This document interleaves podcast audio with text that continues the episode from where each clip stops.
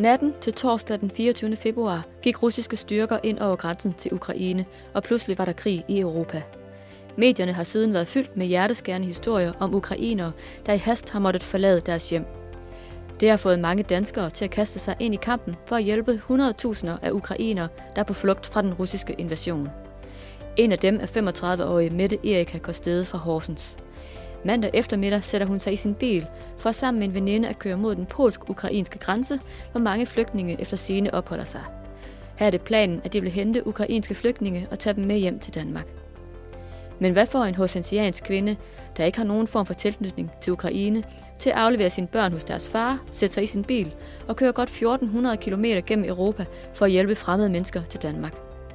Det spørger vi Mette Erika Kostede om i denne udgave af podcasten Hør Horsens. Jeg hedder Astrid Christensen, og jeg mødte Mette Erika Kostede i hendes hjem i Torsted få timer før hun satte sig i bilen. Velkommen til Hør Horsens.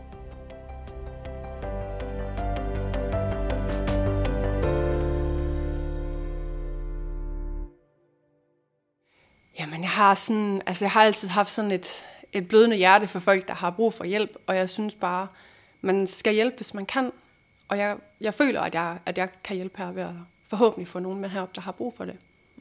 Men hvem er det, du skal ned og hente?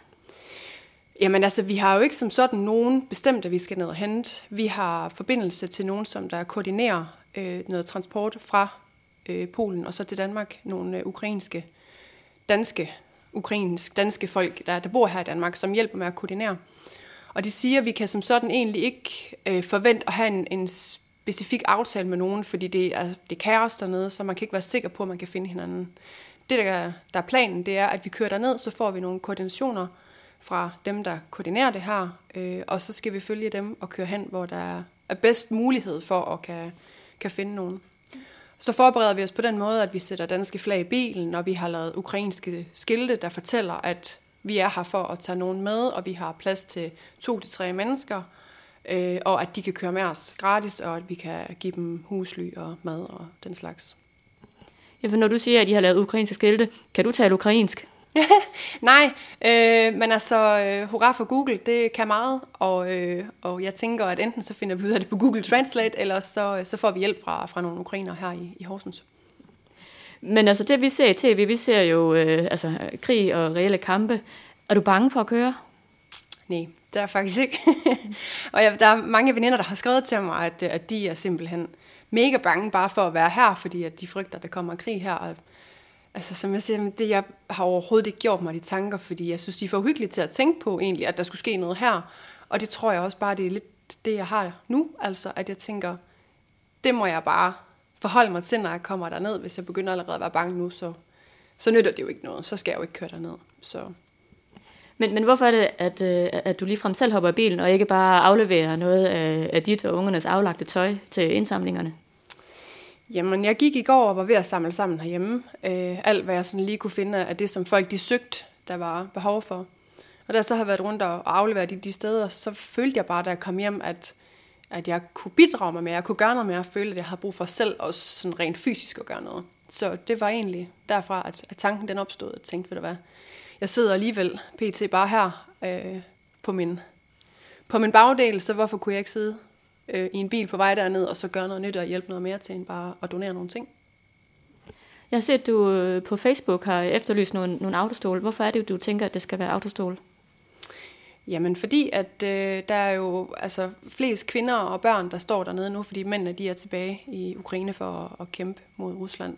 Så det vil primært være børn og, og kvinder, der står og skal med tilbage. Og, og så vil jeg bare gerne sikre mig, at jeg kan have alle aldersgrupper med. Så, så derfor skal der være autostol i, i alle størrelser. Men du har vel kun plads til, til tre i din bil? Ja, desværre.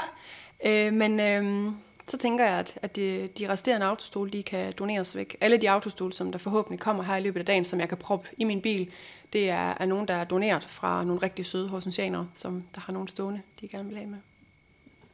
Og når du så kommer tilbage med, med forhåbentlig tre øh, ukrainer, hvad skal der så ske?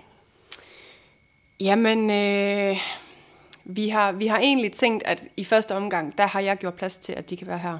Der er en, et ekstra værelse med seng og madrasser, og der er fyldt op i køleskabet. Og, men ellers så skal vi jo have fat i myndighederne herhjemme. hvor at, at de, skal, de skal have noget hjælp den vej fra. Men altså, alt efter hvornår vi også ligesom lander her og sådan noget, så, øh, så har vi mulighed for at give dem husly her. Og der er også rigtig mange opslag på Facebook øh, med folk, der tilbyder husly, og der er lavet deciderede grupper, hvor at, øh, at man kan melde sig ind, og så kan man gå ind og udfylde en formular, øh, hvor man kan fortælle, øh, hvor mange mennesker man har plads til, og hvor man bor henad, og om der er noget specifikt, altså at man for eksempel kun ønsker, at det skal være kvinder og børn, eller ældre, og at der ikke må være husdyr med, fordi vi forventer også, at der er nogen, der står dernede med deres kat og deres hund og deres marsvin og sådan noget. Så det, det vil jeg i hvert fald opfordre folk til at gå ind og kigge på, hvis de har mulighed for at give dem husly. Men hvorfor er det, du synes, det er så, det er så vigtigt selv at, ligesom at, at gøre noget? Jamen, det, altså, jeg føler bare, at, at hvis, jeg tænker, hvis man, hvis man kan, så skal man hjælpe andre. Altså, sådan, sådan er jeg bare også opdraget, at kan vi hjælpe nogen, der, der er nød, eller nogen, der ikke har det lige så godt som os selv, så, så er det lidt vores pligt at hjælpe. Hvad tænker din familie om, at du lige smutter en tur til Ukraine? Øh, jeg har faktisk øh, en, øh, en onkel, der skrev til mig sent i går aftes. Min gamle onkel på 75, han skrev, at øh, jeg skulle bestemt ikke køre alene. Så hvis ikke at jeg fandt nogen, så tog han med. Øh, og jeg har en anden onkel, der øh, gerne vil hjælpe lidt med det økonomiske. Og min mor, hun, øh, hun var sådan, ja, det er bare typisk dig med det. Det er god tur. Ja, så det er en, en fin reaktion, jeg har fået. Ja, fordi ind på, på Facebook, det var jo også øh, meget hurtigt, der var nogen, der, der donerede noget. Hvordan, for, hvordan, øh, hvordan ser du villigheden til at hjælpe her i Horsens? Jamen, den er stor. Og altså, det gør mig egentlig lidt stolt at bo i Horsens. Altså, samtidig så kan man godt være død, har man træt af at bo i Horsens, fordi den er så lille. Omvendt så er det bare en fantastisk by, når det kommer til sådan noget her, fordi folk de står virkelig sammen, og de hjælper hinanden. Så jeg var slet ikke i tvivl om, da jeg lavede det her opslag, at der ret hurtigt ville være en masse, som der var villige til at hjælpe. Og så siger du, at øh, efter planen, så kører I 16.30 i dag, og kører I et stræk, eller hvad tænker du? Nej, det tænker jeg ikke realistisk. Øh, dels fordi, at vi kan jo forstå, at der, der er kaos lige nu øh, derned. Så der vil selvfølgelig være en masse stop i forhold til, at, at trafikken den simpelthen stopper os.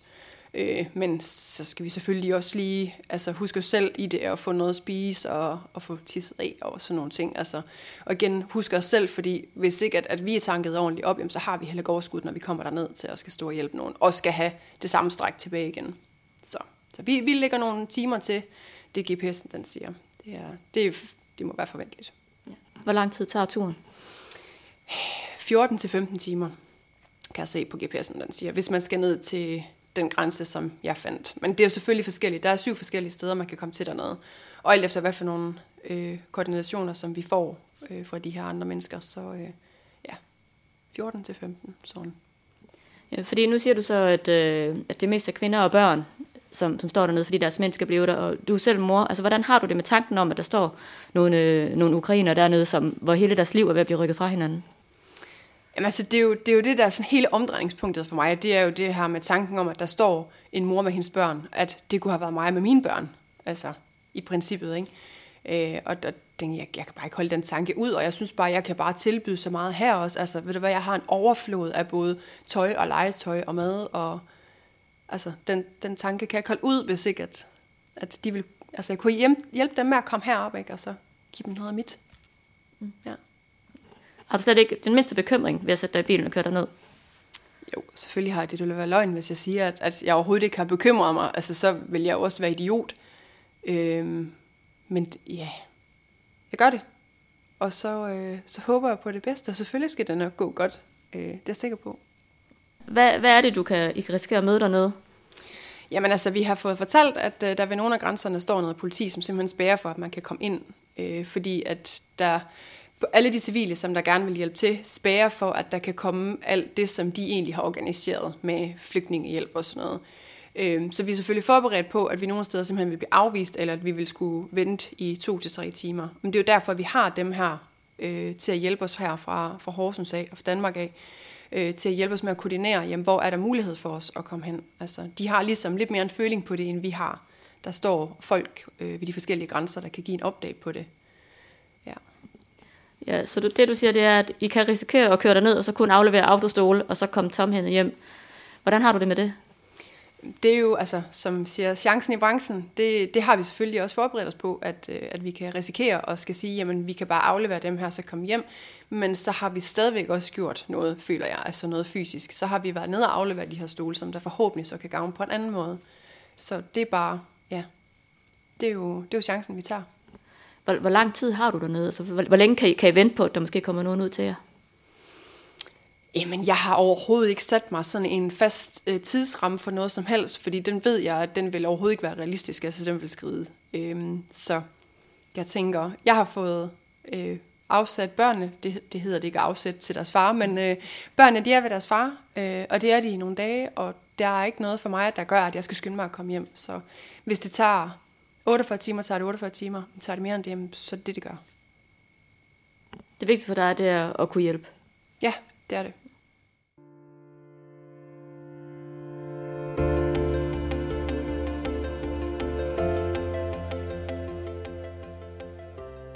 Du har lyttet til podcasten Hør Horsens.